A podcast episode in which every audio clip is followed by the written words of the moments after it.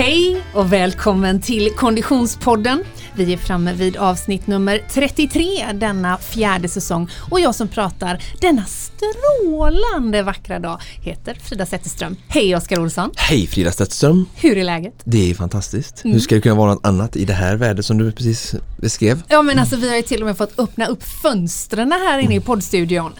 Eh, vi, vi, får be om ursäkt för eventuella störande ljud men vi behövde syre denna dag. Mm. Du, eh, du badade i morse? Ja, eh, det har jag ju som sagt, eh, nu visar jag, kallbad har blivit sommarbad så att ibland det. när jag hinner och, eller väljer att prioritera ska jag säga, så tar jag mig ner och kastar mig i havet och det är en fantastisk känsla på något sätt att känna kontakt med naturen och man får en härlig start och det är så här, jag går ner tidigt vid 7.30 någonting eller tidigare och liksom på vägen tillbaka så slogs jag av det att det var massa hantverkare som började med ja, liksom, vet, reparationer på hus och villor och sånt där man går igenom området. Men där när jag var där så, så är det innan allting av dagen har startat. Ja. Så det lugnet är ju ja, naturen, skogen eller havet. Det är väldigt härligt. Mm. Mycket, mycket härligt.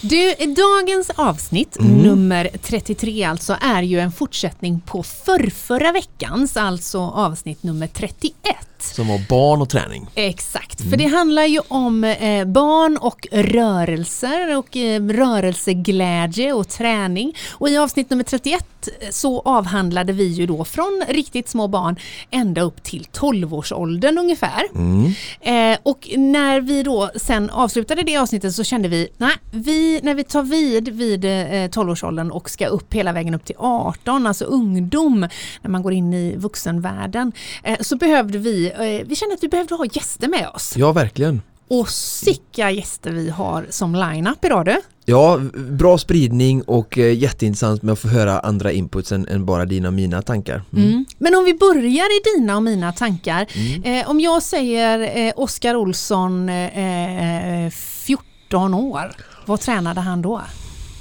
Ja, nu får jag tänka tillbaka lite här. Eller 15 Nej, men jättebra 14. Eh, för det var ganska roligt, det var ett skifte där och så 14 eh, så höll jag fortfarande på med två idrotter. Då var jag alltså fridrottare eh, där jag höll på att försöka slå igenom, höll på att säga, men eh, med mångkamp, mm. tiokamp. Just det. Ehm, så att eh, friidrott i då alla de här olika grenarna, alltså jag höll inte på bara med en sak utan som folk som känner mig nu genom podd eller privat vet ju att jag har alltid varit en sån allround kille som aldrig är supertalangfull i någonting men oftast kanske hanterar en flertal saker hyfsat bra. Mm. Så när man slår ihop det så blir eh, det okej. Okay. Eh, men eh, så att, eh, och det har väl alltid det också, inte bara det att min talang har varit just mångfald utan också att det kanske är det som har, som finns något slags inre driv eller motivation i mig som person att jag tycker variation kanske förnöjer det passat mig att en, en, en ensidighet kanske varit så. Men tiokamp i Allingsås IS eh, friidrottsförening då.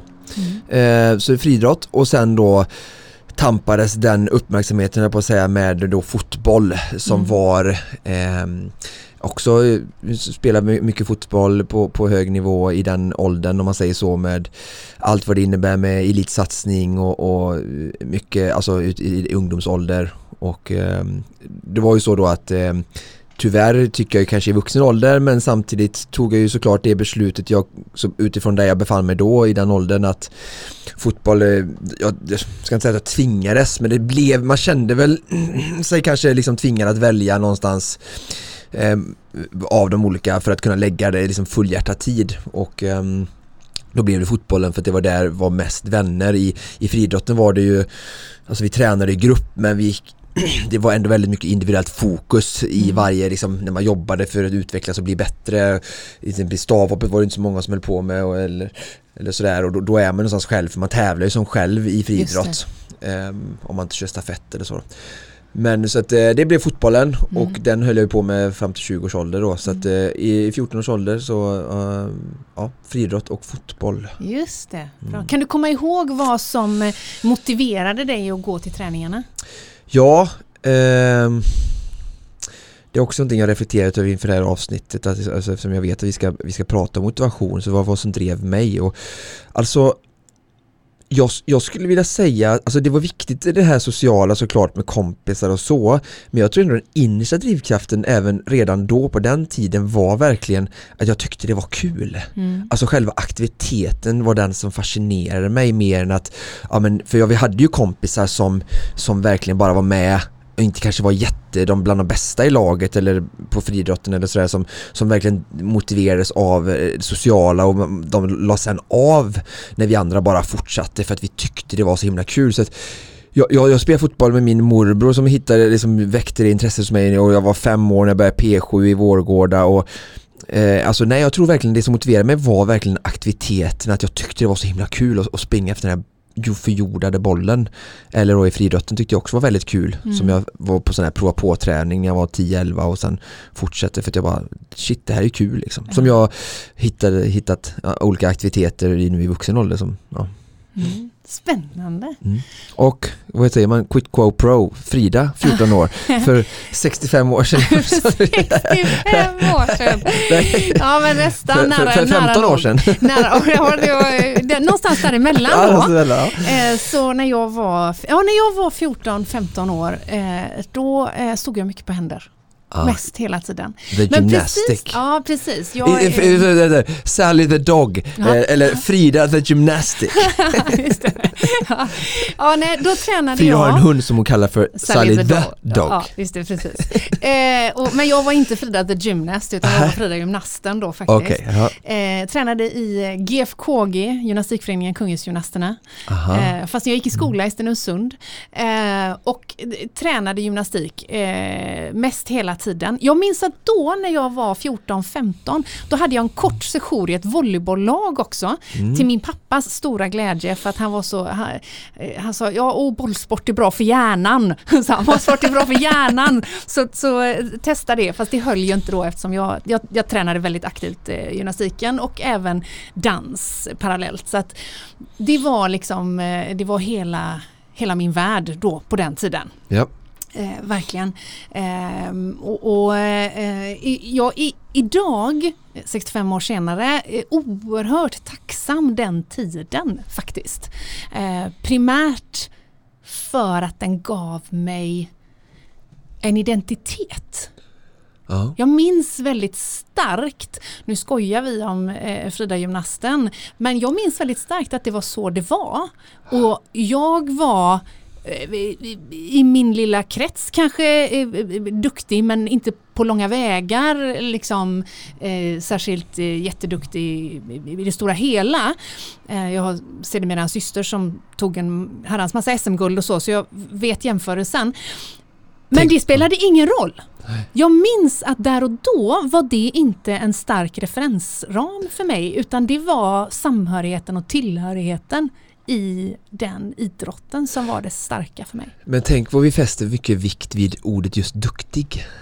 Vad, Mm. vad det har stor Mm. roll för oss. Absolut. Och det är ju lite så jag har varit inne på och kämpat med i min, varit inne här i podden och pratat om mitt tävlande just att att jag gjorde det till, till en början med att för att just för att det var en identitet. Och jag tror att många gör det också. Och då gör man det av den anledningen att ja, men det, är det är inte tillräckligt att bara vara Oscar eller bara vara Frida. Mm. så därför skapar vi de här identiteterna för att där finner vi någon slags trygghet och bekräftelse. Mm. och där jag tror att vi behöver jobba både med barn och ungdomar men även med oss själva vuxna absolut också. Vi är inte, vi tror kanske att vi är så himla mycket bättre än barn eller ungdomar men även vi tror jag kämpar med det att landa i att vi är så fucking bra som vi är Mm. oavsett identitet, jobbtitel, bostadsadress, var vi har kommit i livet. Fuck, det räcker med om du bara gör så gott du kan, är dig själv så, så ja, men just Sen är det i och för sig fint att få till, eh, höra till. Absolut, men det kan man ju göra utan att vara duktig. Ja, men jag, jag, det jag reagerade på var just det här ordet du pratade om, duktig. Och när jag själv hade det här Ja. med att sökt identitet via triathlon eller Mm, att prestera så var det just det också att identitet men också att jag var duktig i den identiteten jag hade. Mm, mm. Eh, ja, jag tror bara det var en kort Ja, reflektion, vi inte gå in på det nu. Men, nej, men det, är, det är intressant och mycket av de här tankarna och reflektionerna ska vi ju toucha vid idag. Verkligen. Eh, vi ska prata drivkrafter, vi Ja. ska prata motivation, vi ska prata ambition och hur man bäst guidar, leder eh, eller håller eh, barn, ungdomar mellan 12 och 18 år i handen på vägen. Mm. Eh, för att maximera glädjen av rörelse i dagens avsnitt.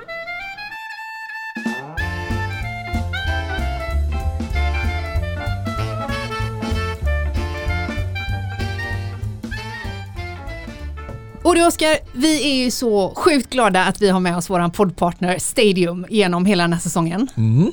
Och vi har ju faktiskt en tävling ute. Ja, nu är det tävling igen. Nu är det tävling igen. Även om det är liksom slut på, stängt på tävlingsarenan Ja, ja, så kan ja, vi ju tävla på sociala medier. Precis, och vi hintade ju om detta redan i eh, förra veckans avsnitt.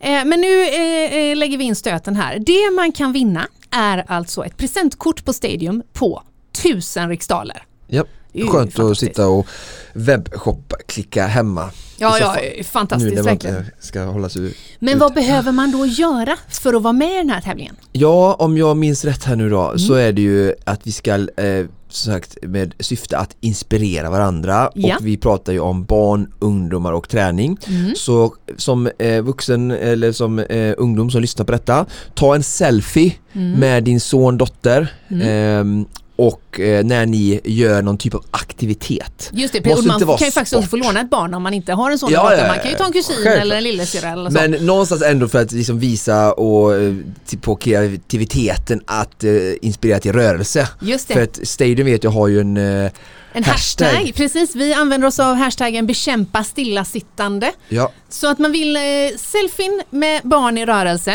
ja, ladda upp den på sociala medier, ätta Stadium och, Och Konditionspodden. och hashtagga med bekämpa stillasittande. Vi låter den här tävlingen pågå ända fram till, ja vad sa vi nu då?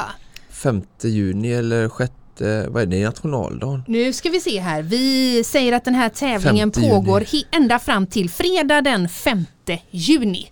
Ja, Så fram till fredag den 5 juni har man alltså på sig att ladda upp bilden på sig själv och ett barn i rörelse och hashtagga med eh, bekämpa stillasittande. Så är man med och tävlar om ett eh, presentkort på Stadium, alltså 1000 riksdaler. Tack för det Stadium!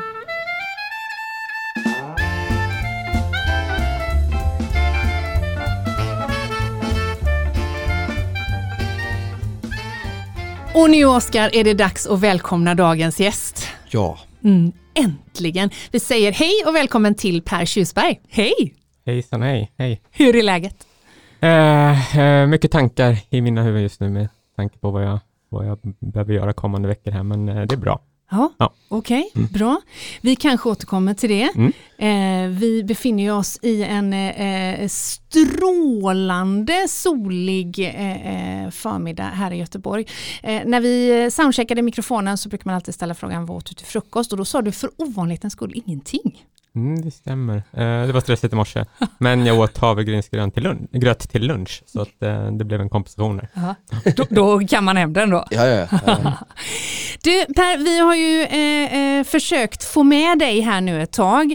Eh, till och med så till den milda grad att vi flyttade det här programmet för att vi ville så gärna ha dig som gäst. Låter- No pressure! Ja, precis. Det låter oerhört eh, oroväckande. Nej, verkligen inte. Nej. Men eh, vi skulle ju eh, kunna ha dig som gäst eh, även i andra sammanhang. Eh, många känner dig som eh, för detta A-lagstränare och tränare inom eh, Pixbo Wallenstam eh, innebandy.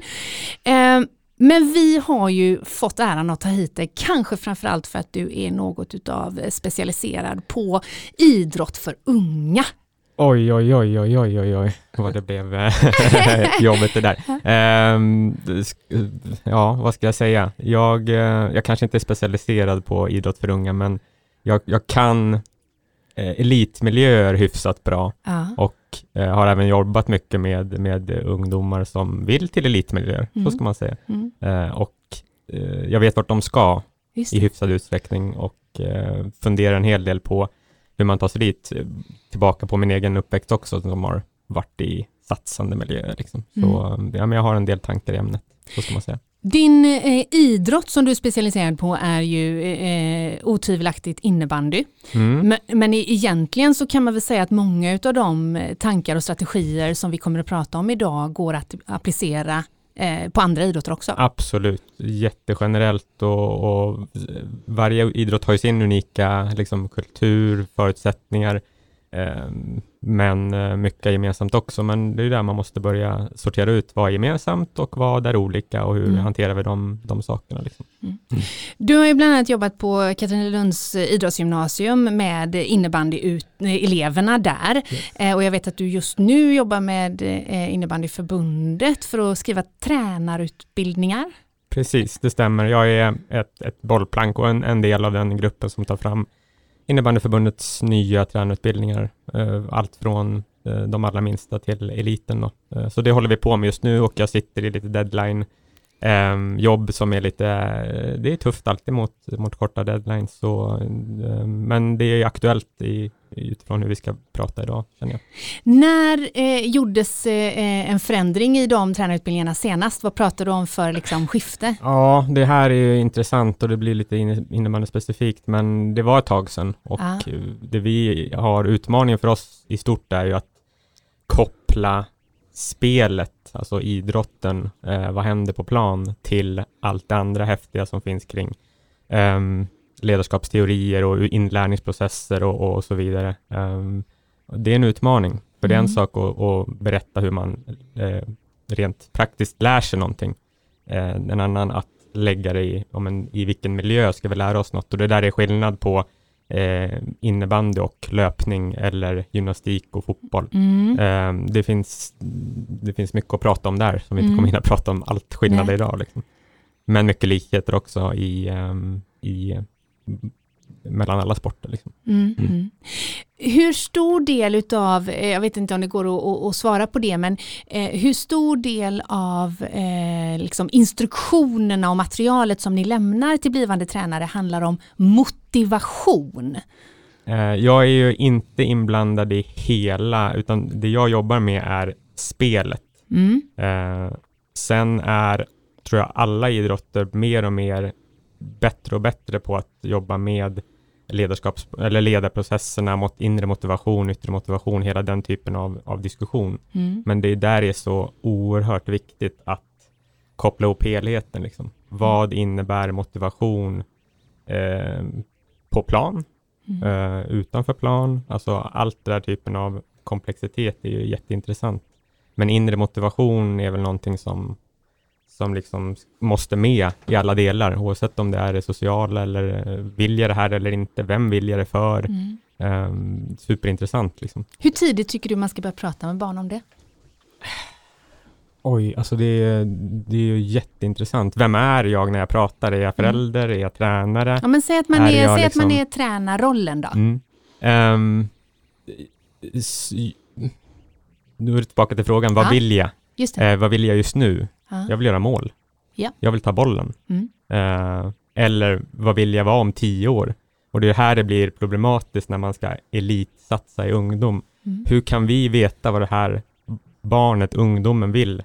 Kanske Om- vill du bara ha ett, liksom ett eh, sam, sammanhang och Ja. eh, liksom de, delaktighet i Ja. en grupp. det, vad, vad, vad motiverar oss egentligen? Och vad, Mm. när jag ställer den frågan då, när barnet svarar, när ungdomen svarar, svarar den ärligt inom citationstecken eller är det, finns det en förväntan på vad man ska ge för svar? Mm. Alla de här typerna av eh, frågor måste man ställa sig när man har en tränarutbildning, när man har en verksamhet, när man har en förening. Vad vill vi?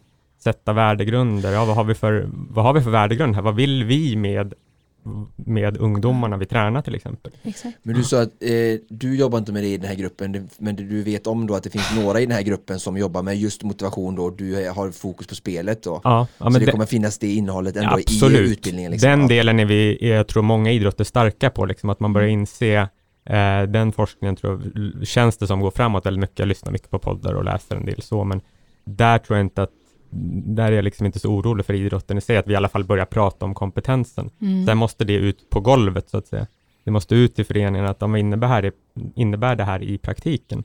Och det är en, ja, det är inte helt lätt. Det, det, AIK fotboll, om vi tar nu ett exempel inom, inom idrottsvärlden, så håller ju AIK fotboll, eh, deras ungdomsverksamhet har ju förändrats eh, ganska mycket under eh, ledning av lite nytt folk där. Och där håller ju de på med det här i praktiken. Liksom. Hur ändrar vi en kultur? Hur, vad är synen på ledarskap? Synen på vad, vad, vad är det här till för? Ska vi fostra elitspelare eller ska vi skapa en miljö där barn och ungdomar trivs och mår bra och utvecklas i, inom spelet. Liksom. Mm. Och ha en bra förutsättning för att sen kunna ja, ta exakt. elit om man vill. Exakt, om man vill så har vi ja, men, de här tre, så många som möjligt, så länge som möjligt och Just också det. så bra som möjligt. Ah, och bra. den typen av liksom balansgång mellan de tre målen är ju alltid, hela tiden närvarande i allting vi gör. Liksom. Mm. Um, så det är jättekomplext och vi måste börja utbilda idrottsvärlden i komplexiteten i det vi gör. Liksom.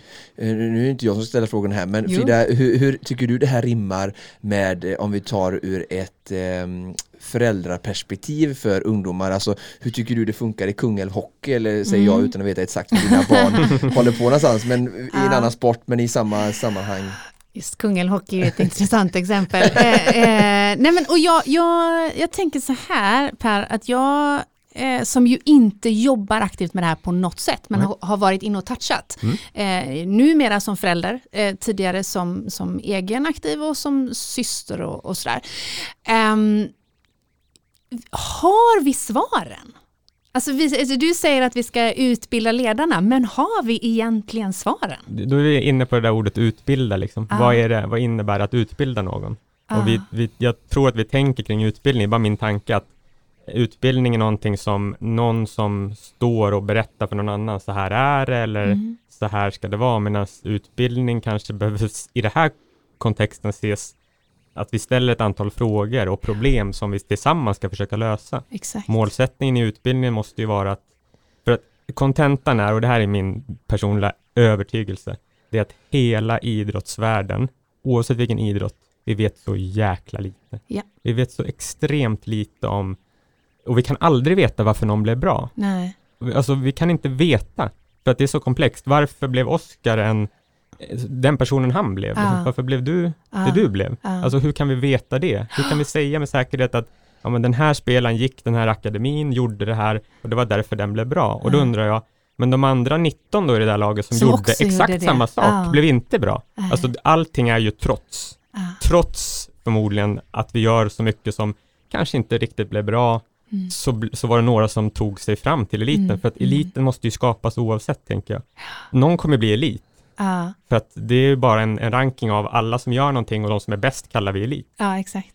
Det, alltså eliten är ju bara de bästa på någonting. Ja, Sen kunde den eliten varit så oerhört mycket bättre om vi gav fler chansen mm. att försöka bli elit. Mm. Det är det perspektivet vi måste få med. Så många som möjligt, så länge som möjligt. Ja, eh, men då blir risken att man, ah, men då de här som är bättre då, ska de inte få satsa? Ja, men vi måste också försöka få med så bra som möjligt. Ja. Alltså det måste, det perspektiv, alltså de, det kommer inte alltid lira, det kommer inte alltid gå att få alla tre grejerna att funka. Men vi som jobbar inom och verkar inom eh, idrottsvärlden ja. måste i alla fall ha med oss de tre frågorna.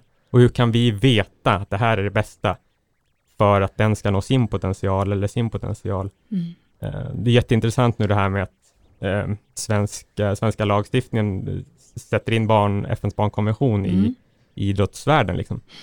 Det blir ju barnens rätt till sin idrott, liksom. Mm. Eh, barnens rätt till spelet, barnens rätt till att, till att utöva saker på sin villkor. Det kommer ju gå emot mycket av föreningarnas rätt till att utveckla spelare eller mm. skapa produkter som de ska tjäna pengar på. Liksom. Det, det blir superintressant att se hur, hur det kommer fortsätta. Liksom. Mm. Ja. Vi går en spännande framtid till mötes onekligen i detta. Verkligen. Men du, om vi, eh, eh, om vi trots allt försöker bli mm. lite konkreta mm. i vissa specifika Absolut. frågor. Jag tänker till exempel om vi håller oss i, i, i diskussionen kring motivation mm. och så tar man en, en 13-åring. Mm. Hur mottaglig skulle du säga att en 13-åring är för diskussionen, gör du det här för din egen skull eller för att vara med kompisar eller för att inte säga därmed lägga någon värdering, Nej. men att ha den diskussionen. Ja, alltså jag, jag, jag hoppas och tror att, att de är ganska mottagliga. Mm. Alltså för det, jag vet inte, jag är inte förälder själv och, och den 13-årsåldern var, ja, är det bra nivå eller ska man prata med nummer 15 eller 10? Mm. Det får man nog, jag, jag tänker kring idrott så, det, i slutändan måste det ju ligga på barnet och föräldern att mm. bestämma eh, liksom för att vem bestämmer över ett barn av hur den ska göra? Ja, men det är inte en idrottstränare. Det är väl föräldern som, om inte barnet själv bestämmer så är det väl föräldern. Jag vet inte hur mm. den, ja. eh, alltså skulle, rent jag, juridiskt. Liksom. Ja, självklart är det ju det. Ja. Men, och jag skulle också säga att, för jag har ju då en, en 13 och en 15. Mm. Eh, och, och, har man någon form av eh, human och härlig relation med sina barn så skulle man ju inte bestämma att de Nej. var tvungna att vara kvar eh, i en speciell idrott exempelvis, Nej. eftersom det är det vi pratar om nu. Eh, och där skulle jag säga att tränaren spelar ju en otroligt absolut, stor roll absolut. i just den diskussionen. Eh, huruvida tränaren är villig att lyssna, har kompetens att mm. lyssna på mm. den diskussionen. Mm. Sen kan det också vara så att tränaren agerar i en kultur. Ja. Där även om tränaren har en ambition så finns det en kultur i klubben. Ja. Att man gör på ett visst sätt. Ja. Eh, så det är rätt många komponenter som ska stämma. Alltså det, det, men tillbaka till det här med din och barnets relation, föräldern mm. och barnets relation, att få in en bra kultur mellan föräldrar, ledare och barn mm. i en verksamhet är ju ganska viktigt, tänker jag. Liksom. Så att man har en samsyn. Vad gör vi här? Liksom? Och vad är målsättningen? Ja, men vi kanske vill ha målsättningen att de, att de här ska, ta, ska bli så bra som möjligt. Mm. Uh, men vad behöver vi göra idag? Behöver vi vinna nästa match? Eller behöver vi hjälpa dem med sin inre motivation? Mm. Uh, och inre motivation tycker jag måste koppla mycket mer, mer till vad ska vi göra idag? Hur ska vi försöka göra mål? Hur ska vi försöka att inte släppa in mål? Eh, blev vi bättre på det här idag? Liksom? Eller blev vi bättre än förra veckan? Mm. Och värdera det mer än eh, huruvida vem som gjorde mest mål eller alltså titta mer på ambitioner än på utfall. Mm. Eh, Okej, okay, vänta, liksom. det var ju intressant. Titta mm. mer på ambitioner än på utfall. Ja, och då är vi inne i exempelvis det här med relative age, liksom. Mm. Eh, som, som för mig, alltså jag är inte expert på det, men det låter ju helt logiskt. Alla barn utvecklas olika. Hur ska mm. vi då kunna bestämma, hur kan vi då jämföra två 13-åringar som är så, i så olika potentiellt eh, skede av sin utveckling? Verkligen. Mm. Alltså hur, hur, det, då blir det utfall, resultat. Mm. Där tror jag har... vi är väldigt odynamiska ja, är... i vårt sätt, vi vuxna. Ja, men vi har problem, vi människor har ju problem för att vi, vi måste hela tiden ha en orsak och verkan-tänk som är så konkret. Mm. Vi måste förstå varför det här hände mm. eh, och så blir det så lätt att man liksom vad ska jag säga, en, man vill lösa saker snabbt liksom. ja. och man vill, man vill säga, ja, förklara liksom att mm. så här kommer det vara och det kommer alltid vara så här. Alltså jag har ju så många exempel från min egen uppväxt och spelare man har spelat med som var helt fantastiska i en viss, viss ålder man var, de var så bra och jag går tillbaka till mig själv. Jag var mm. jättebra i viss ålder. Mm. Superbra liksom. Kunde göra vad jag ville på plan. Två år senare så kunde jag inte göra någonting. Mm. Vad berodde det på? Jo, men det var ju att jag var sen i puberteten mm. och så vidare. Mm. mm. Alltså bara där, bara den diskussionen tycker man ju borde liksom döda all form av, ja men den här spelaren är bättre därför att. Sen ja, det finns liksom självklart så finns det skillnader i genetik, i förutsättningar, i talang inom citationstecken. Men det begreppet talang måste ju vidgas så enormt. Mm. Jag är ingen talang i, i liksom musik. Jag, jag har accepterat att jag inte är musikalisk liksom. Men eh, alltså de allra flesta, alla människor har ju talang på någonting mm. och det är det vi måste börja se. Vad är den här personens talang? Vad vill den göra med sin talang? Alltså den typen. Så talang har ju så extremt snävt liksom, mm. perspektiv så att det är, ja, man vet inte vad man ska börja prata om det liksom. Men motivation, ja, ja, alltså försöka hitta en, någon slags samsyn vart vi ska på kort och på lång sikt. Mm. De vuxna som är runt ungdomen, liksom. är vi mm. där i miljön och föräldrarna hyfsat överens så att man i alla fall har pratat om men vi försöker göra det här, du som förälder verkar vilja det här, hur stämmer det liksom? Mm. Hur kopplar vi det till barnets bästa inom citationstecken? Vad, vem bestämmer vem som, alltså i slutändan kanske det är föräldrarna som bestämmer vad som är barnets bästa. Mm. Jag kan bara, jag bara flikar in lite här på, jag har inte ens, det är ganska intressant detta, alltså jag har ju pratat mycket om motivation i mitt arbete och i nutid. Mm. Men nu när vi sitter här och jag låter tankarna gå tillbaka lite, jag har ändå spelat i juniorallsvenskan i fotboll mm och eh, som knatte med Elmander-familjen och sådär. Mm. I, och eh, jag menar, jag kan inte erinra mig att, eh, liksom att tränarna på något sätt på den tiden liksom, eh, jobbade motivation med någonting annat än typ Bra jobbat Olsson! Mm. Liksom, det, var, det, var typ, det var det bästa man kunde få Mm. i, i motivationsbegrepp då. Sen var det liksom bara fokus på eh, spelet egentligen. Mm. Både på träningen, på av planen då, alltså när vi inte, i omklädningsrummet då, när vi inte, eller, eller på planen så var det Mm. fokus spelet, spelet, spelet. Ingenting om eh, liksom, gruppdynamik, Nej. eh, socialt eh, Nej. eller då det här som vi just är inne och rör nu då, motivation. Och sen ännu mer då eh, alternativ slash förberedande träning så jag vill komma in Mm. på lite senare i, i samtalet här. Men så att, eh, och nu, jag, jag har ju som sagt, jag känner ju dig sedan tidigare Per och Mm. ehm, jag hade ju förmånen att jobba med dig i A-laget, herrar, Pixbo Wallenstam, som fystränare och du var tränare för herrlaget och eh, jag vet inte, liksom jag tänker tillbaka då, alltså jag såg ju inte allt, Nej. men även där känner jag, om jag ska liksom vara lite kritisk mot mig själv och tränarstaben, att det är klart att, vi, att jag försökte liksom se varje individ och peppa och så, Mm. men prata motivation ur det kontextet som vi berör lite nu känner Mm. jag också att jag eller vi kunde gjort bättre och vet inte hur du känner inför att vi jobbade med det då eller hur det är nu. Alltså det, det, det svåra blir ju att Nu pratar jag med vuxna där, kanske Precis. det är lite mindre Men om vi ändå försöker, försöker se att ja, men det man gör på elitnivå ska vi ändå kunna, kunna tolka ner och Mm. göra i ungdomsnivå Mm, också absolut. Och behandla ungdomar som vuxna människor Även om vi såklart inte kan vara svarta och vita Så tycker jag ändå att vi ibland liksom Både med treåringar och med tolvåringar Kan behandla dem med mer respekt och som vuxna individer Än snarare än liksom att klappa dem på huvudet Ja, absolut. Och det, det där är ju intressant utifrån ja, men vuxenvärlden kontra barn och ungdomsvärlden då. Liksom, vad, vad, vad, är det vad, ska vi, vad ska det här bli för människor? Liksom? Vad vill vi liksom, vad vill, att de, vad vill vi att de ska ha med sig? Liksom? Och hur, alltså, eh, den inre, alltså jag tänker att den inre motivationen, vad vill jag? Vad vill jag utvecklas kring? Vad är liksom, det måste ju utgå från att man vill att de här människorna, varelserna ska må bra. Liksom.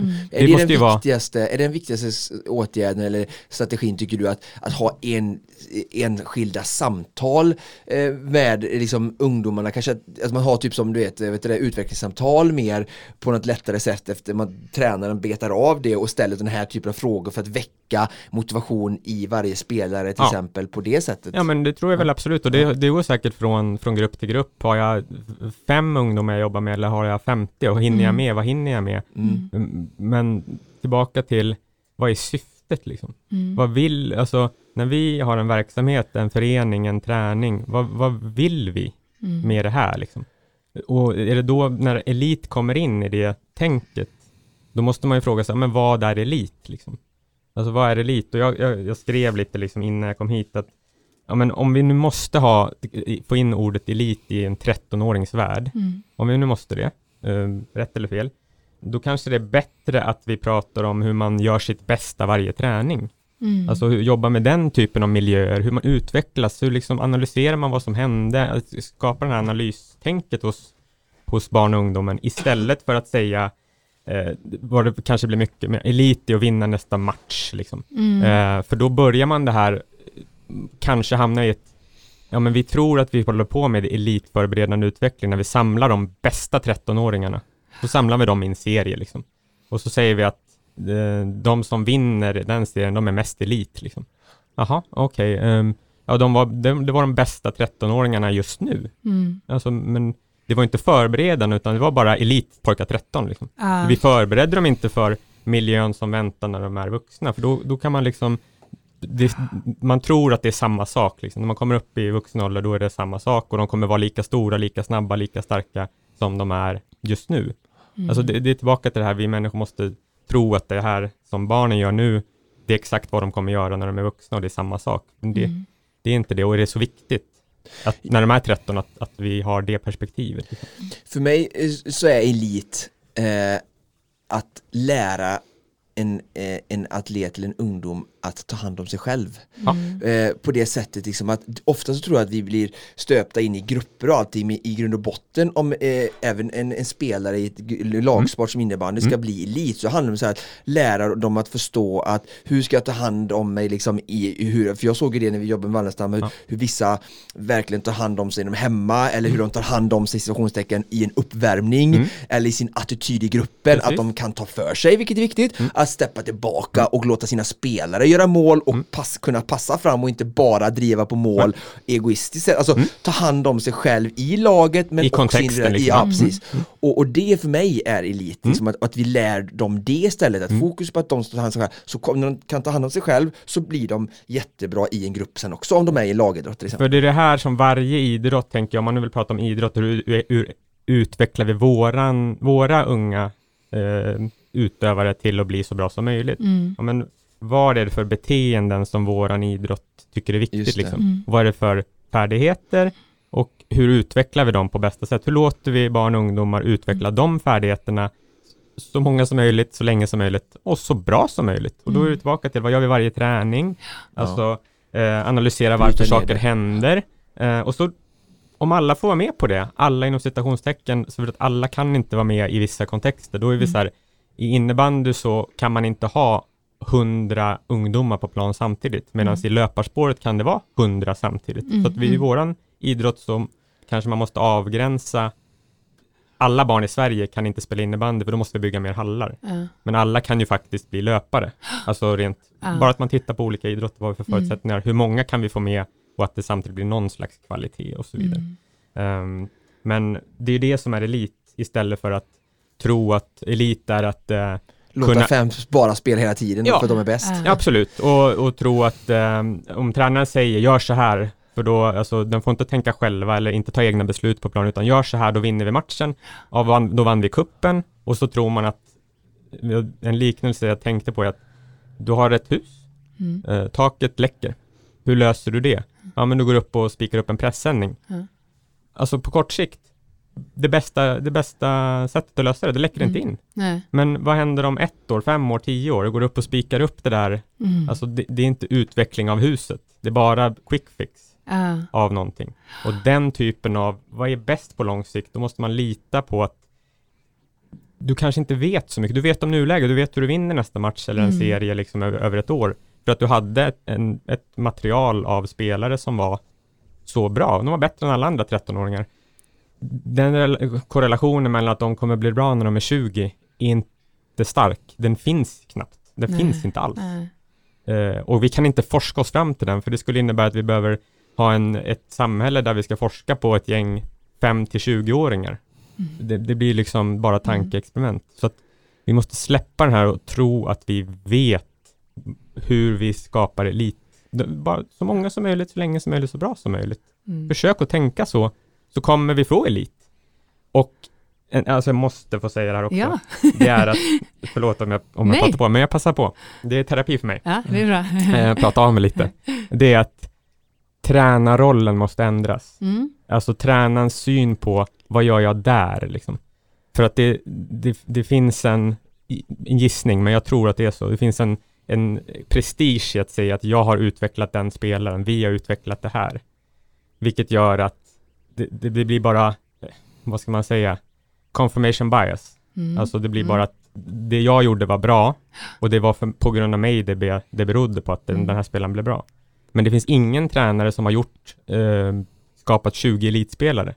Man kanske skapar tre av sin, sina 20. Men Mm. de andra 17 då? Var det bevis eller var det trots allt du gjorde att de Just blev det, bra? Liksom? det, Hur, kan, hur kan få utfall av någon, någonting där de flesta inte når, hur kan det vara ett bevis på att det var bra det du gjorde? Mm. Alltså, och sen säger jag inte att det inte var bra, men Vad ska vi göra med den slutsatsen då? Alltså, ja, vi ska göra det är att tränarna måste förstå att de är där för att utveckla den här gruppen som jag har just nu, Mm. deras potential.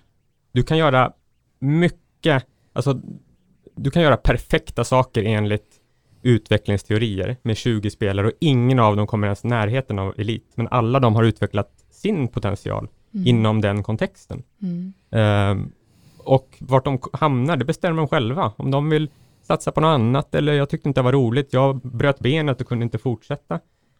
De ska bara utveckla den gruppen och bli så bra som möjligt, de spelarna. Istället för att tro att eh, jag är misslyckad ifall de här inte når eliten. Mm. Alltså, Som tränare Ja. menar du ja. ja. Alltså, Mm. det, det måste finnas ett perspektiv där tränaren förstår att när jag tränar de här 13-åringarna så är det ingen som kräver att de här ska bli elit. Nej. Alltså, Och, jag att- ja. Alltså, och där när du säger där så är det ingen som Mm. tror. Där tror jag att det är otroligt viktigt för klubbar att jobba med vem de ingen är. För det är ju föräldrar eh, och andra Tyvärr. tränare Mm. Absolut. och omgivning Ja. och publik. Och, och, och tyvärr till viss del om man har Mm. en negativ påverkan men det är också på grund av den eventuella publiken på kuppen och, och, och de som jobbar frivilligt som vi har liksom en gemenskap. Men jag tänker väldigt mycket på att jag tänker att man måste också förhålla sig ödmjukt inför att många tränare, det är ju ganska få som är, är betalda A-lagstränare. De flesta är väl föräldrar Absolut. Precis, de allra flesta är ju all ideella. respekt Ja. för det. Och Liksom. jag tänker att man måste hålla, förhålla sig ödmjukt inför att de sitter ju naturligtvis varken på kompetens eller möjlighet i tid och engagemang att ta på sig hela kunskapen. Och då tänker jag att det måste vara så otroligt viktigt att man jobbar med klubbarnas kulturer. Så att det Exakt. finns ett support uppifrån eller Ja. underifrån. Ja.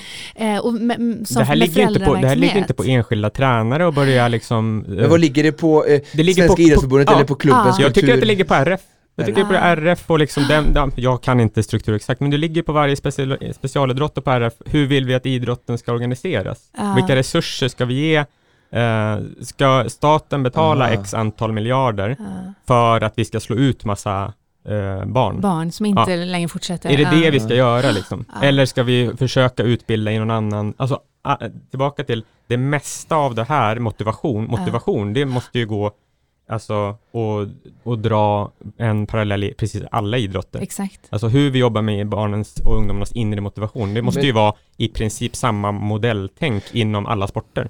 Varför Så- har vi inte den, alltså det har vi säkert någonstans, Ja. men där, det är där vi måste börja om man ska förändra allt. Liksom. Mm. Men så som vi försöker utveckla, om, vi säger så här, om vi vill ha en lösning på Corona, man får ta en skitnödig jämförelse nu, Mm. som folk säger, så är det ju, försöker vi ju eh, eh, bekämpa eller möta det, Ja. den utmaningen via information. Mm. Ja. Till exempel med en pressträff Ja. 14.00 på Ja. tv varje dag. Ja, ja, ja. Så skulle lösningen på detta då egentligen enligt dig vara att mycket resurser från RF då Alltså då säger så här, information som då sker via utbildningar som till exempel du gör, att det blir mer fokus på det så att vi når information till, för, alltså till eh, klubbföreningar och sen vidare till föräldrar som i sluthand har så här, kontakter med slutprodukterna på så här, Mm. jag menar våra barn och ungdomar. Eh, för då, via information så attackerar vi situationstecken problemet precis som vi gör nu med corona. Att ju, Tack vare den elektronik vi har så får vi ut väldigt fort vad människor för rekommendationer ska göra så vi kan bromsa detta för vår sjukvårds skull. Eller förstår ni vad jag menar där? Att information, är det det, är det, det vi kan Ja, men jag koka tänker- ner det till Ja, här? precis. Så jag tänker, om man nu, om man nu tar, vi säger att alla, ehm, vi säger en, en siffra, 80% av alla föräldrar vill att deras barn ska idrotta. Mm. Då hoppas man ju att Oavsett om de blir elit eller inte. Ja, ja, att de ska Ja, idrotta ja. för idrottandets skull, för att det är, man lär, man lär Ja, sig ja. mycket som människa och man utvecklas som människa. Då, då tänker jag att, jag hoppas ju att föräldrar och barn som tar beslut, vilken idrott ska vi börja med, vilken förening ska vi vara i, ehm, att de börjar välja den idrotten som har bra värderingar. Mm. Som liksom, men om, om alla barn vill till eliten, Mm. alltså om det är det och föräldrarna säger, vi ska till eliten, om vi har det klimatet i samhället, alltså kulturen i svenska Att det är samhället. det enda som betyder Ja, men då, då, då kanske vi ska organisera saker på ett annat sätt. Jag vet inte, men Ja. tillbaka till vad, vad är grundsyftet Ja. med barn och ungdomsidrott?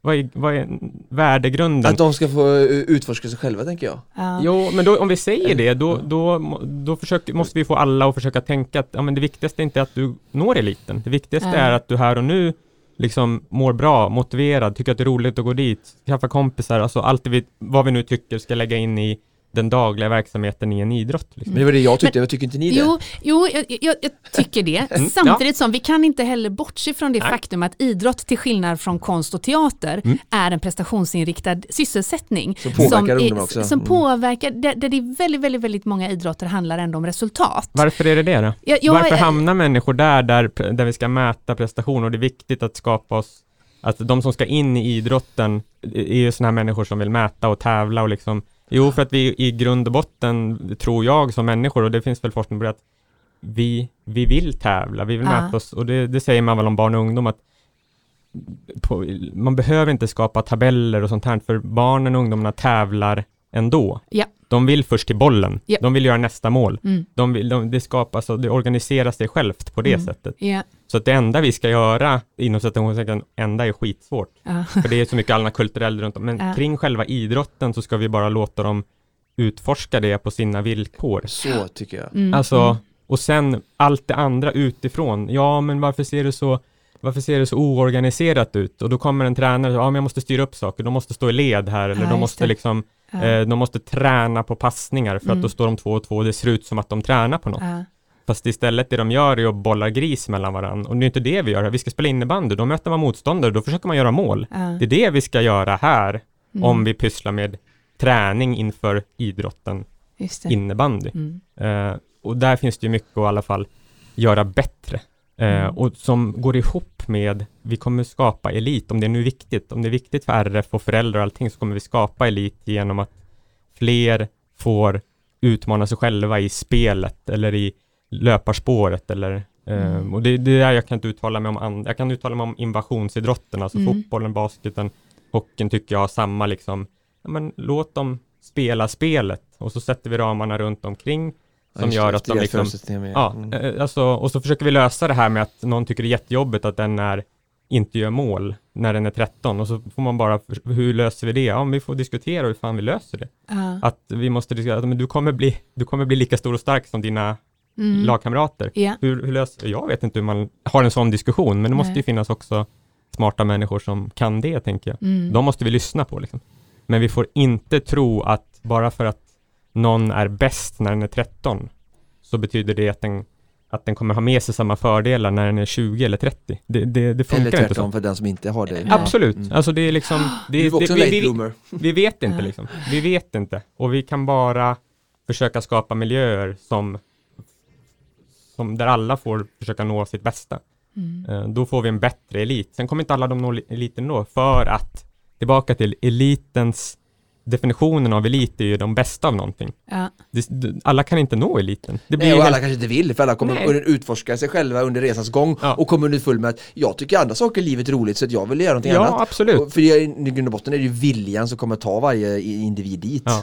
Och, och, och det man måste säga tycker jag någonstans på ett bra sätt är att alla som sätter eh, sin son, dotter eh, eller den son, dottern vill i vara en elitmiljö i någon bemärkelse i barn och ungdom, Mm. då måste man också liksom någonstans förklara att eh, oavsett om man har fritt beslutsfattande, alla ska vara med. Om du ska nå elit, då kommer inte alla kommer inte kunna nå eliten. För att det, det motsäger sig självt Ja, begreppet ja, elit. Liksom.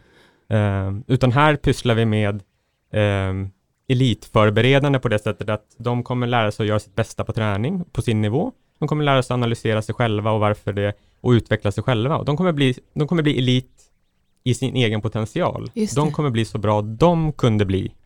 Alltså Ja. utifrån våra förutsättningar och och bygga liksom. Men det, det blir så svårt när, tycker jag, jag gissar att barn och ungdomar och föräldrar i elitmiljöer, liksom, ja men min dotter, min Mm. son, vi, Mm. eh, vi ska nå eliten. Ja, alltså, då får man det här rovdriften och Mm. konkurrensen och man, jag, jag tror inte konkurrens är en bra drivkraft liksom.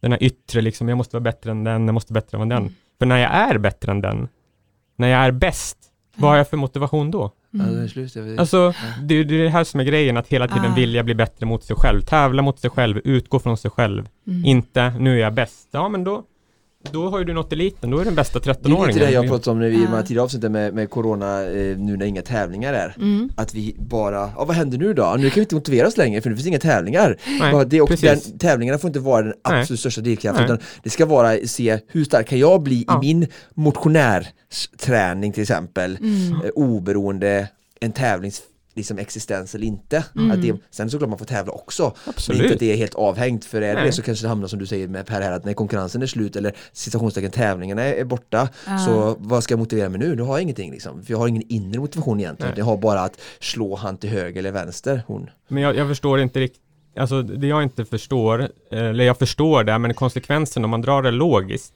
om vi nu ska ha ba- barn och ungdomselitsatsningar, oavsett vilken ålder, men varför går vi inte ner och säger att det ska finnas elitserien för femåringar för? Vart går gränsen liksom? Vart ska vi, alltså om nu funktion, om det viktigaste med idrotten är att vi får fram en elit, Ja. om det är huvudsyftet, värdegrund, om man sätter upp en värdegrunds, liksom, vi ska ha värdegrund inom vår organisation, då kan man inte ha tio värdegrunder som alla är värda lika mycket. Alltså för någonstans så måste man, vilket är det viktigaste? Ja. Eh, när, när de gånger då det här krockar. Och om ni nu säger att ja, men, vi, det är ändå viktigast med elit, att, att, vi slår, att vi får fram de bästa. Alltså, när ska de vara som bäst? Alltså, ska de vara som bäst när de är 20, 30, 10? Det kanske, ja, men, vill ni pyssla med elit, eh, liksom, tänk tidigt. Ja, men börja med sänd liveserie för tioåringar på Champions League för tioåringar. Mm. Eh, Varför gör vi inte det då? Alltså, eh, alltså Ja. bara man försöker Ja, dra åt andra ja, hållet liksom.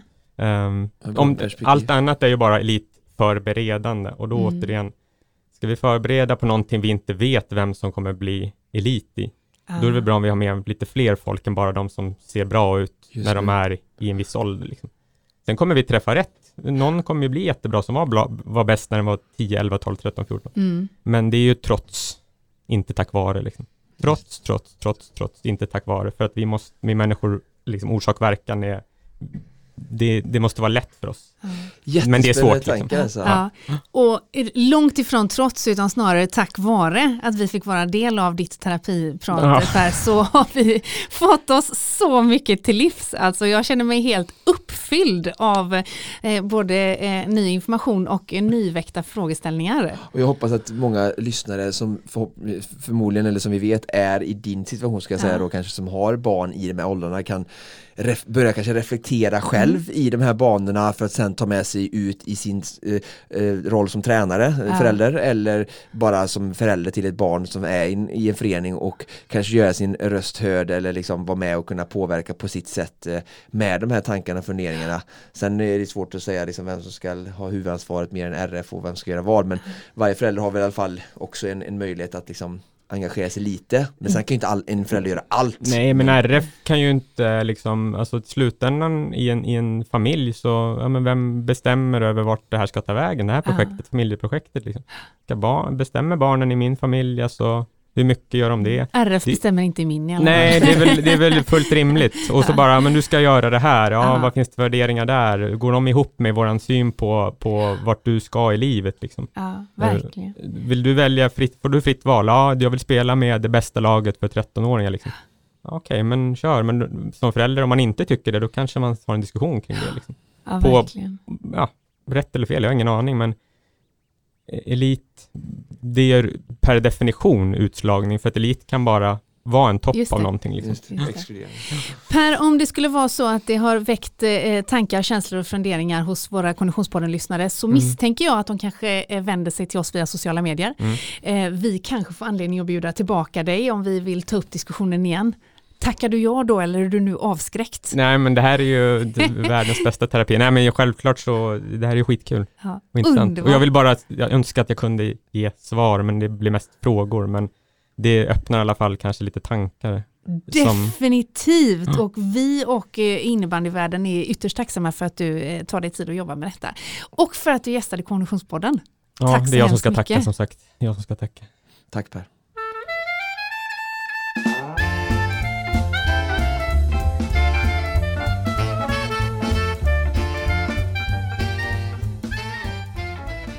Du Oskar, det här är ett ovanligt eh, avsnitt på många sätt. Verkligen, Mm. Vi har dubbla gäster. fantastiskt. Eller trippla gäster Trippla till och med. gäster till och med. Ja.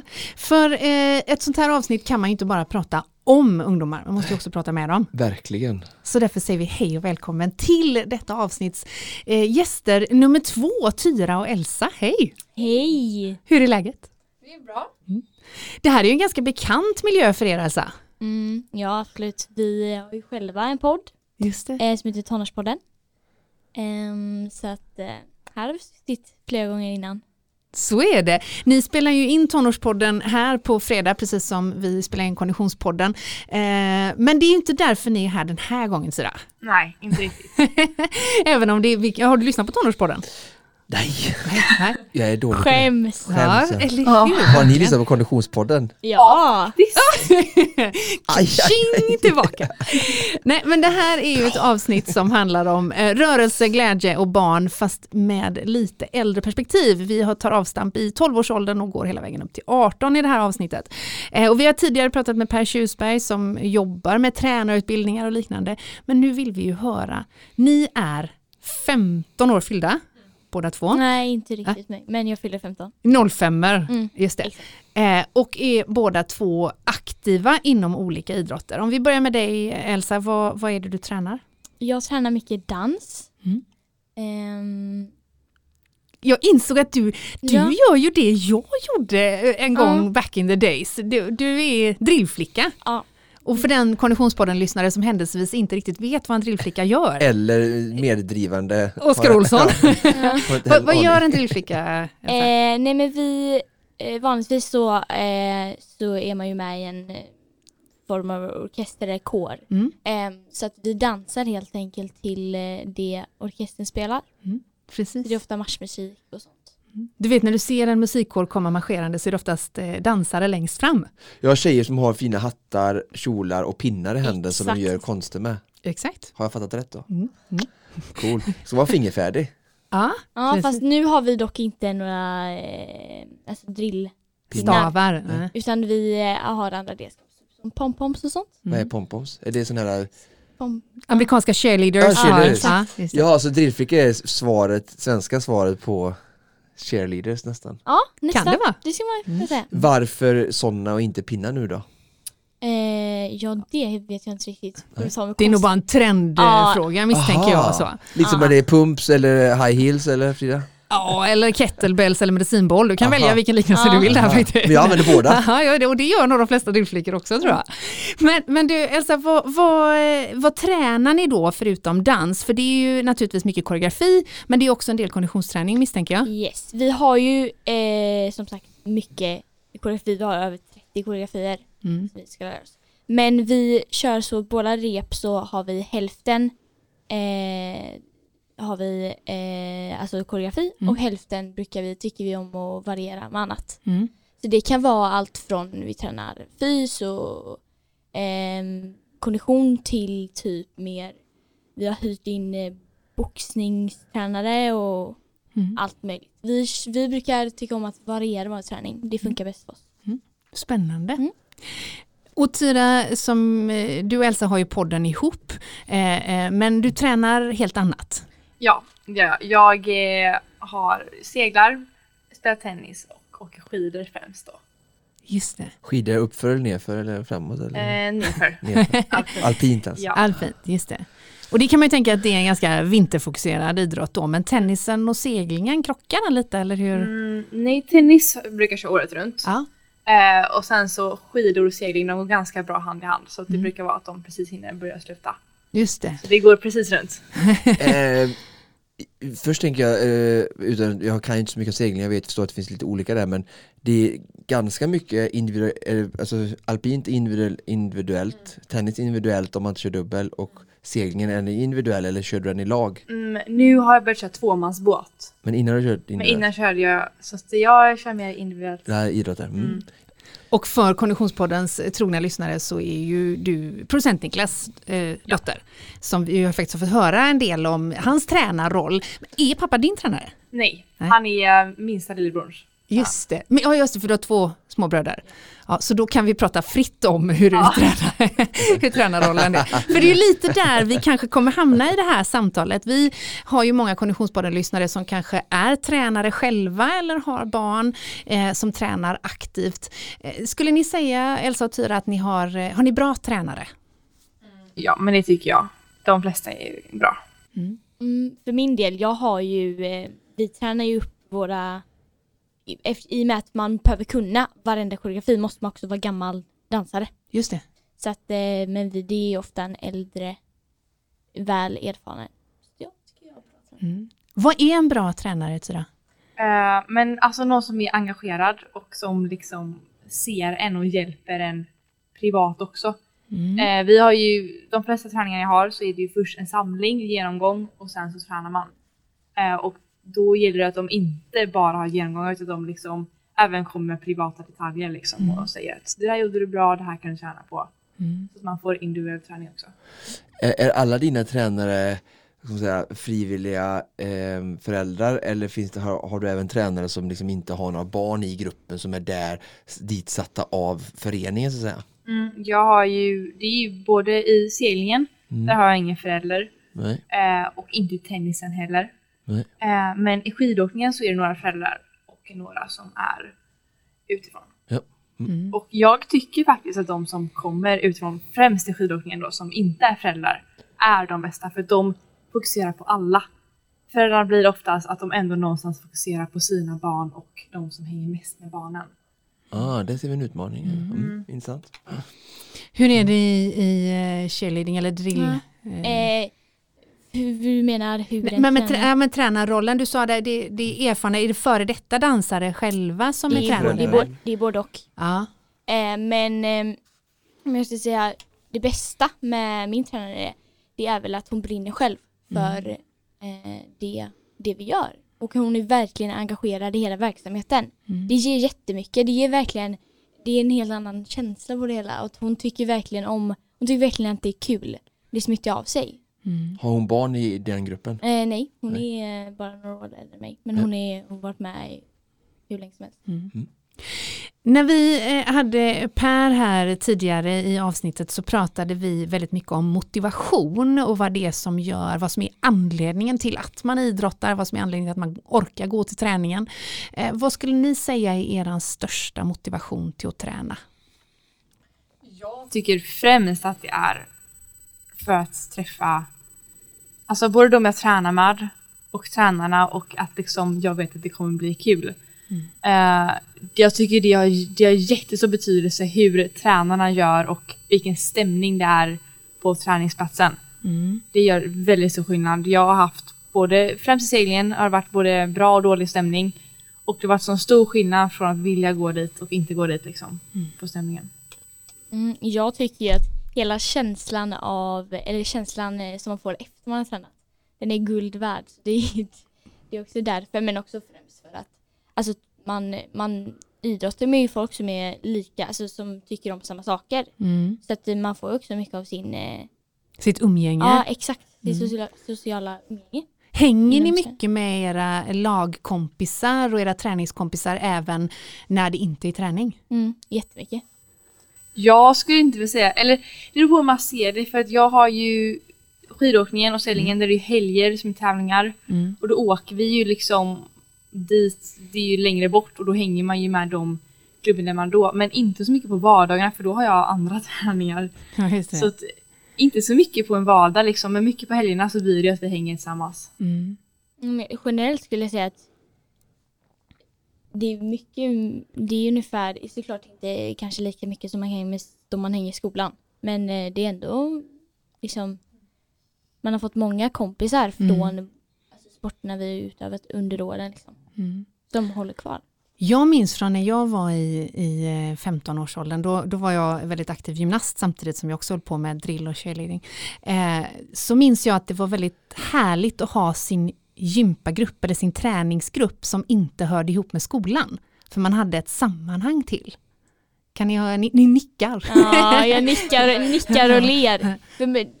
Man, kan, man kan väl relatera på ett annat sätt. Man, alltså man, det är ju liksom två olika, skolan där blir man ju verkligen till, man blir ju bara satt i en klass. Mm, Eh, men man väljer ju att utöva den sporten eller aktiviteten mm, för att man brinner för det. Och då gör väl de andra också det. Så det blir en annan, man har ju liksom gemenskap. valt det Mm. för att man tycker om det så mycket.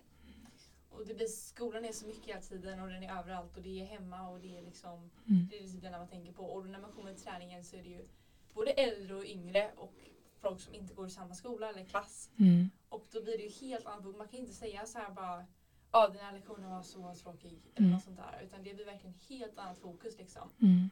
Man kan snacka om något som man aldrig skulle snacka om i skolan för att det ligger på två olika fokus. Hur viktigt skulle ni säga att det är att man i, i den klubben som man är aktiv eh, kan klättra klättra eller komma med i ett bättre lag eller få fler träningstillfällen, att komma med i det som kanske kan kallas för elit. Vad, hur viktigt är det för motivationen? Men alltså klart det är viktigt. Det är ju någonting man strävar efter. Liksom, man vill ju alltid bli bättre och man vill ju alltid Alltså jag har jättefina skallar, jag vill ju alltid vara bland de bästa. Men känner du att alla, förlåt jag avbryter, känner du att alla dina träningskompisar i respektive de här tre idrotterna känner så? Eller är det, är det, alla känner inte så nej? Utan du känner så men inte alla? Inte alla och det beror ju på också. I tennisen där är vi mer för att spela och ha kul liksom och klart vi blir bättre men inte så att vi satsar på att vinna något VM. Men om man går till skidåkningen så är det ju vissa som verkligen satsar svinmycket. Varför tror du det är så? Uh, För det är, i- det är två, i- i- idrott som idrott tänker jag då men det är bara kul att höra vad du tror kan Men det är nog också så att eh, dels så är det ju i, i tennisen, där hamnar man ju i en grupp där alla ligger på samma nivå. mm. I Aha. skidåkningen där är det två klubbar i Göteborg Mm.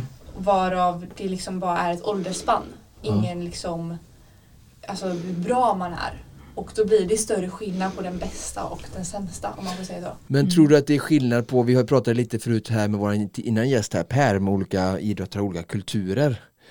Vi, men, vi har ju duktiga, vi har ju som var, duktiga tjejer, Frida Hansdotter, Anna Persson, många som har lyckats i alpint. Och sen har vi väldigt många duktiga tennisspelare också i Sverige. Eh, men tror du att det anledning till detta kan finnas, det finns eh, så skilja, eh, skillnader i tenniskulturen och alpinkulturen i hur de ser på elit, alltså att det, i alpint är det mer fokus på ungdomar att vi ska satsa på elit och i, i tennis har de en kultur där ja, men alla kan få vara med eller alla, alltså det är inte samma elitfokus eller förstår man att det finns skillnader där? Jo, det finns det verkligen. Okej, mm. Ehm, kulturella skillnader så. Mm, Mm. Verkligen och eh, det är ganska tydligt också. Även det sociala, alltså bland oss ungdomar efteråt. Den som är, alltså för skidåkningen, den som är bättre den får en högre status typ. Om man säger. Mm. Och det gör också, Hur visar sig den statusen? eh, men de kan ta mer plats. Just De har lättare för att säga vad de tycker och bryr sig inte så mycket om andra tar illa upp. Liksom. De får, de får väl också en annan respekt av de andra. Exakt. Och det gör att de kan styra och ställa på ett helt annat sätt. Liksom. Mm. Och det kan bara vara positivt och negativt. Um, Och i tennisen? I tennisen där har vi inte det på samma sätt utan där är alla liksom häng med varandra och det är liksom på ett helt annat sätt. Mm. Mm, intressant. Väldigt intressant grupp, gruppdynamik, eh, Mm. helt klart. Eh, hur mycket skulle du säga att om vi håller kvar vid den tanken, är det att, att tränarna ser det? Hur mycket, hur mycket tar, plockar de upp det? Om man tittar kanske framförallt då på det alpina där det då kan bildas liksom statuspersoner. Hur mycket ser tränarna det? Eh, jag tror de ser det men skiter i det. Mm. Jag tror att de tänker att Jag, jag tror snarare att de inte förstår vikten i det. mm, Mm. så kan det vara också. För att de gör ingenting åt det. Men ser tror jag verkligen de gör för det är ganska svårt att missa. Just det. Men de kanske inte riktigt vet vad de ska göra med det då? Nej. De kanske inte upplever att det är samma problem, problem problematik som kanske alltså, Ni vi. aktiva? Nej. nej. Men känner du att eh, tennistränare då å andra sidan som till skillnad från alpina jobbar aktivt på något sätt för att de har fått den mer jämställda eller man ska säga lika stämningen som ni har i tennisen. Känner du att tränarna har gjort det eller är det bara så generellt kanske i tennis som sport? Mm, jag tror att de har gjort det. Ja. Mm. Intressant. Per skulle vilja höra, vara med i den här diskussionen tror jag. Ja. Eh, om vi backar till när ni startade era idrotter, vad var det som fick er in på respektive spår? Nu är ju ni eh, no- 07, eller 05, alltså 15 år, eh, så ni har ju hållit på länge. Men vad var det som gjorde att ni började med era respektive idrotter? Kompisar höll på med det. Mm. Ehm, då som man fick höra det. Ja. Jag skulle också säga det.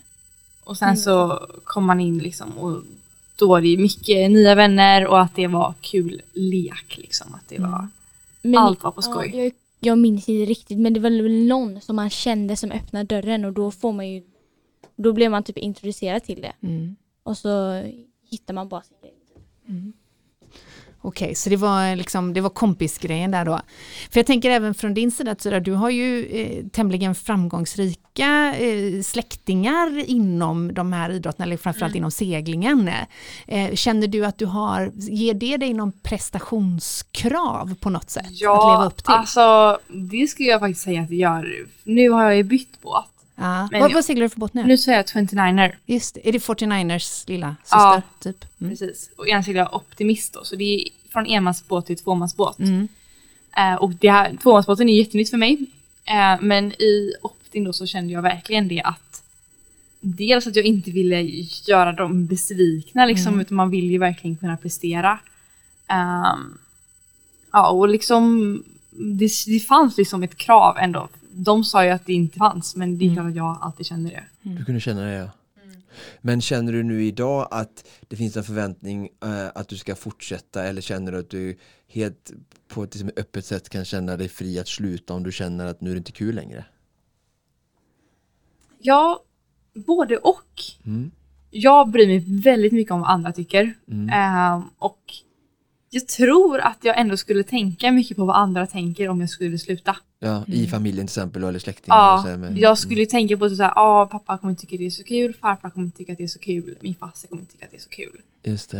Eh, men sen så kommer jag ju kunna ta beslutet att om jag känner nej men jag tycker inte det är kul så kommer jag kunna prioritera mig själv men jag tänker ju mycket på vad andra tänker innan jag tar beslut. Hur, hur tycker du, eller ni båda, om man, ha, om man nu känner igen sig i det, eller man kanske har en, en son eller en dotter som man känner igen de tendenserna i, hur ska man som tränare eller förälder hjälpa den personen?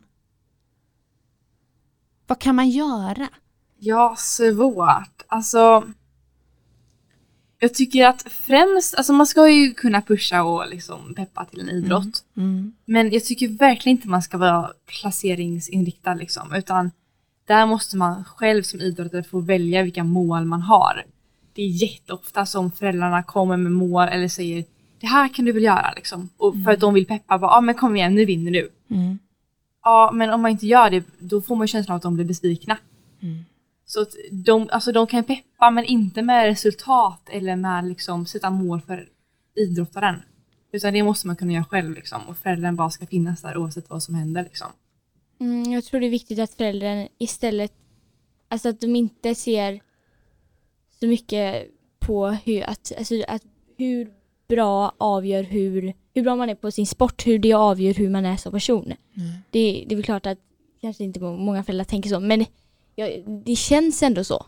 Mm. Så att, eh, att, man, man, att man försöker förstå och pratar om vad om eh, egentligen syftet med, med att tävla och träna. Att det är ju för att man ska vara bra i sig själv. Liksom. Och det tror jag är jätteviktigt. Bra. Det ser jag skillnad på också.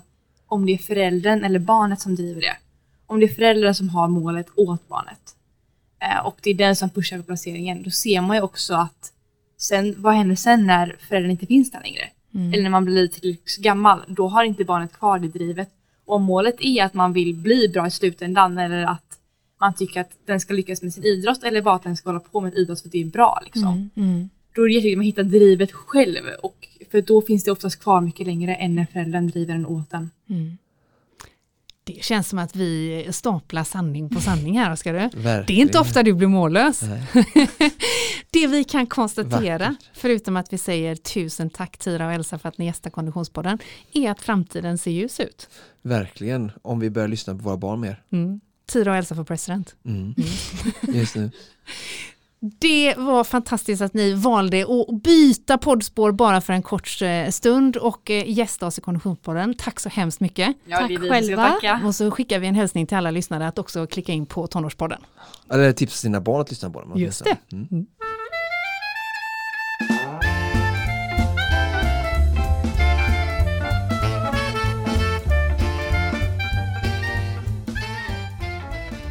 Ja du Oskar, det är inte utan att man eh, eh, känner sig både eh, påfylld och utmattad på en och samma gång. Nej. Eh, Vilket gäng! Ja, verkligen. Och vilka tjejer. Ja. Eh, det, det, en, det som slog mig mest och eh, först, när, eller sist då när vi liksom avslutade var ändå att eh, vad mycket vi vuxna har att lära oss av våra barn och ungdomar om vi bara väljer att lyssna för jag var verkligen impad över hur kloka de är och hur mycket, alltså vi pratade ju med Per om hur vi kan förbättra barn och ungdomar men alltså jag kände liksom att vi satt ju som Per själv erkänner med massa frågeställningar och inte så mycket svar men vi ville väcka eh, liksom den vuxna tankesmedjan för att liksom hela tiden försöka utveckla detta då och mm. skapa någonting då som blir bättre.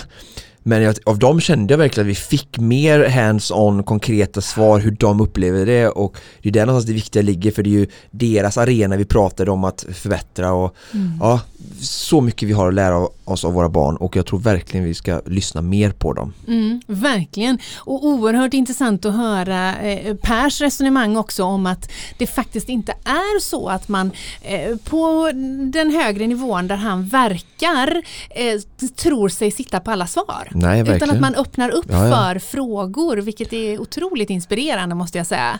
Ja verkligen, det är väl inte många branscher där liksom toppen eh, lägger sig så som säga, platt citationstecken och öppnar upp för att liksom vara ödmjuk och ta in omgivningens oerhört eh, härligt. Om eh, eh, Oskar Olsson, 14 år gammal där i, i Allingsås och mm. med fotbollen under armen, hade hört de här resonemangen, tror du han hade liksom känt igen sig? Ja, men det tror jag. Ja.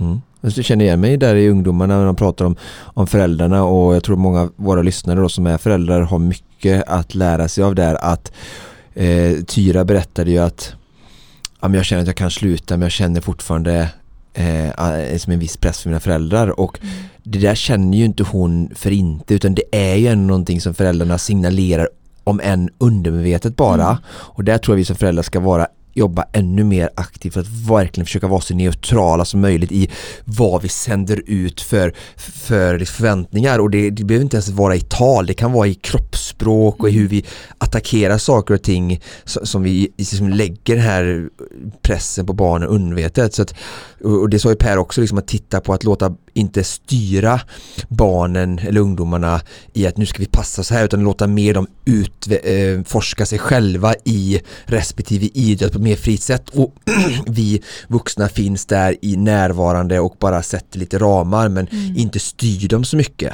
Och samma sak då i föräldrarollen, liksom att vi är med och stöttar Eh, men att vi verkligen mer, ännu mer aktivt tror jag.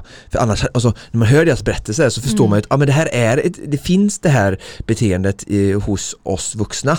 Eh, så verkligen lyssna in dem och vara ännu mer, liksom, ge dem fritt spelrum. Mm oerhört intressant och jag ja. känner mig eh, eh, lyckligt lottad att få hänga med eh, både Elsa, Tyra och, och Per och dig Oskar under den här dagen. Oj, tack. Ja. Snällt, tack. Hoppas att du som lyssnar också känner att du fick dig något till livs. Eh, eh, det har varit en ära att få vara i dina öron under denna stund. Men du Oskar, det är annorlunda tider vi lever i. Ja. Det är en osäker tillvaro vi lever i. Ja, vi alla hankar oss fram på våra olika sätt efter mm. bästa förmåga tror jag. Och även Konditionspodden tar faktiskt eh, en lite annorlunda rytm framöver så vi vågar faktiskt inte lova när vi hörs igen. Men Nej. att vi hörs igen, det kan vi lova. Ja, vi kommer tillbaka. I sinom tid. Men det här var allt vi hade att bjuda på för den här omgången. Tack så hemskt mycket för att du har lyssnat. Precis som vanligt produceras Konditionspodden av Fredag. Connect Brands with People.